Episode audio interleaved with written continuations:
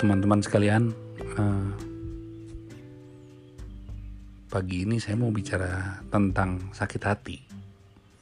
Siapa sih orangnya nggak pernah sakit hati? Selama dia berakal, pasti dia pernah sakit hati.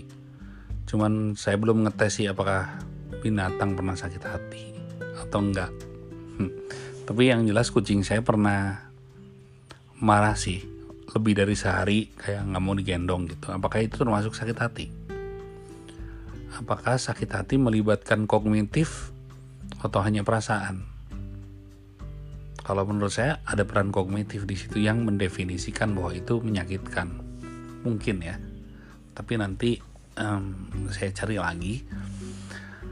Tapi menurut saya sakit hati atau enggak itu banyak faktor sih Pertama dari sisi kualitas mental seseorang, bagaimana dia ditempa hidup, eh, bagaimana juga apa ya nilai-nilai yang dia miliki sebelumnya, terus bagaimana kisah hidupnya, apakah biasanya enak-enak banget, biasa enak, kalau biasa yang itu cenderung lebih manja. Terus bagaimana juga kecerdasan emosional untuk menangkap suatu hal itu perlu dia dianggap atau enggak. So far menurut saya sakit hati itu izin kita sendiri. Artinya contoh misalnya kamu dimaki-maki orang gila. Itu ter tergantung nih. Kamu mau sakit hati atau enggak di depan umum dimaki-maki orang gila.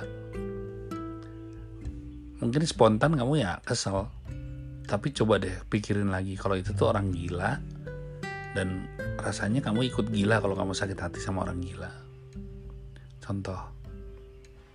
Atau sekarang itu kan aneh ya kalau kita sakit hati ya udah biarin aja deh. Orang semua orang juga tahu dia gila kan. Sekarang ada lagi orang yang kita sayangi. Mungkin anak atau adik pasangan anda sahabat yang tiba-tiba bertindak tidak seperti biasanya kadang-kadang karena itu adalah kesayangan kita lalu kita melupakan atau memaklumi atau atau membiarkan atau mentoleransi tindakan tersebut. Mungkin kalau yang melakukan orang lain kita akan sakit hati tapi misalnya itu adalah adik kita atau anak kita atau kakak kita atau orang tua kita kita tidak mengizinkan sakit hati kita hmm, ya kita nggak ngizinin bahwa kita harus sakit hati. Jadi sebenarnya sakit hati itu bisa di manage kan gitu. Contoh misalnya eh, apa ya ah udahlah gak usah dicontohin. Ngerti lah pasti maksudnya ngerti ya. Jadi tergantung siapa yang melakukan. Itu kan. Mungkin kalau orang lewat nyambit kepala kamu kamu bisa sakit hati dan membalas lebih kejam kan gitu. Tapi kalau tiba-tiba yang nyambit itu anakmu sendiri atau adikmu bercanda atau bahkan marah pun nyambit paling kamu marahnya nggak segitunya kan gitu atau ya banyak hal lain lah. Atau bisa juga gini tergantung mental juga sih. Misalnya pasangan kamu kayak ngaret gitu. Terus kamu bisa segitunya marah karena argumen kamu bahwa harusnya dia itu orang yang paling mengerti dan dia tuh nggak mungkin melakukan ngaret ini ke saya. Dan kamu jadi sakit hati oleh persepsi itu. Ya kan tapi kalau orang lain yang ngaret ya bodo amat lah gue nggak ada urusan kan misalnya gitu.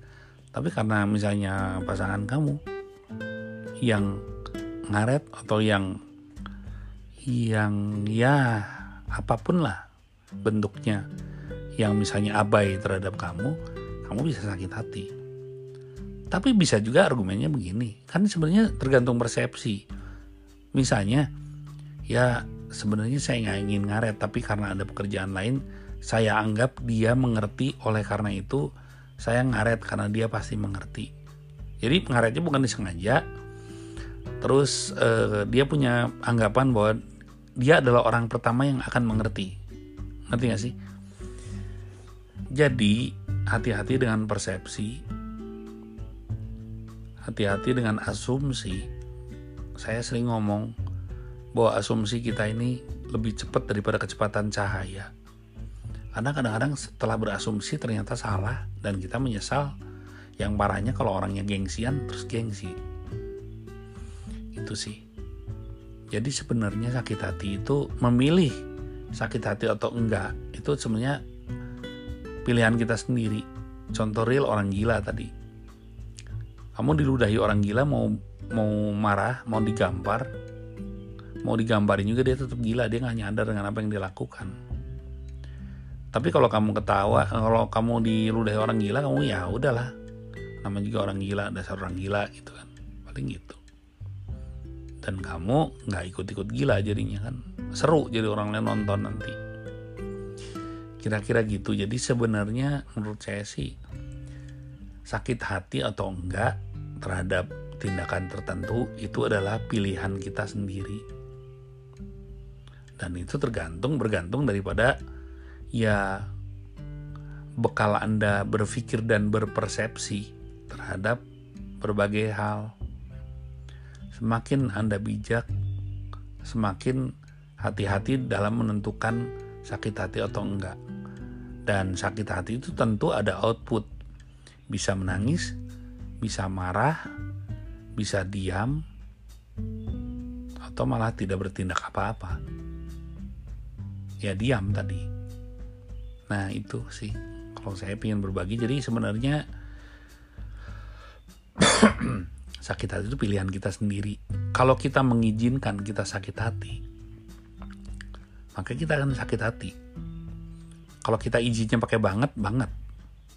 Tapi kalau kita nggak pernah mengizinkan seorang pun yang menyakiti hati kita, tentu kita tidak akan pernah sakit hati. Emang bisa gitu? Ya bisa. Coba sekarang kalian renungkan deh, siapa dalam hidup kalian yang pernah menyakiti kalian? Terus tanya, kok gue sakit hati sama dia gitu? Apakah memang dari esensi perbuatannya, atau karena orang itu siapa? Nah kayak gitu.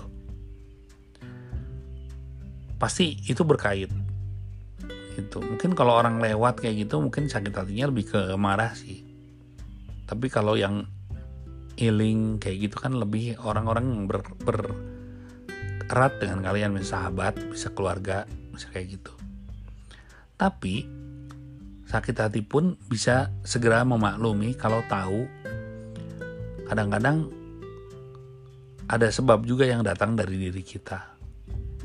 Ada juga penyebab yang dari diri kita. Makanya introspeksi itu selalu penting.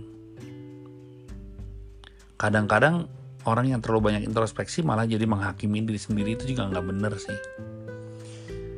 Jadi memang harus ada keseimbangan. Bahkan sampai ini sampai mau habis aku nggak tahu sebenarnya aku ngomong apaan sih. Tapi ya udahlah ya aku pengen berbagi soal itu sih hari ini. Terus aku sih pesan sama yang denger ini jangan terlalu gampang berasumsi sehingga kita terlalu mudah untuk sakit hati. Kalau mau sakit hati dipikir dulu, apakah layak apakah layak aku sakit hati karena perbuatannya atau perbuatan tersebut? Kalau enggak ngapain gitu. Atau kita bisa wa anggap wajar atau kita anggap kita maklumi atau kita toleransi ya banyak pilihan. Apa pun banyak pilihannya sih. Dan pilihan terbijak adalah selalu memaafkan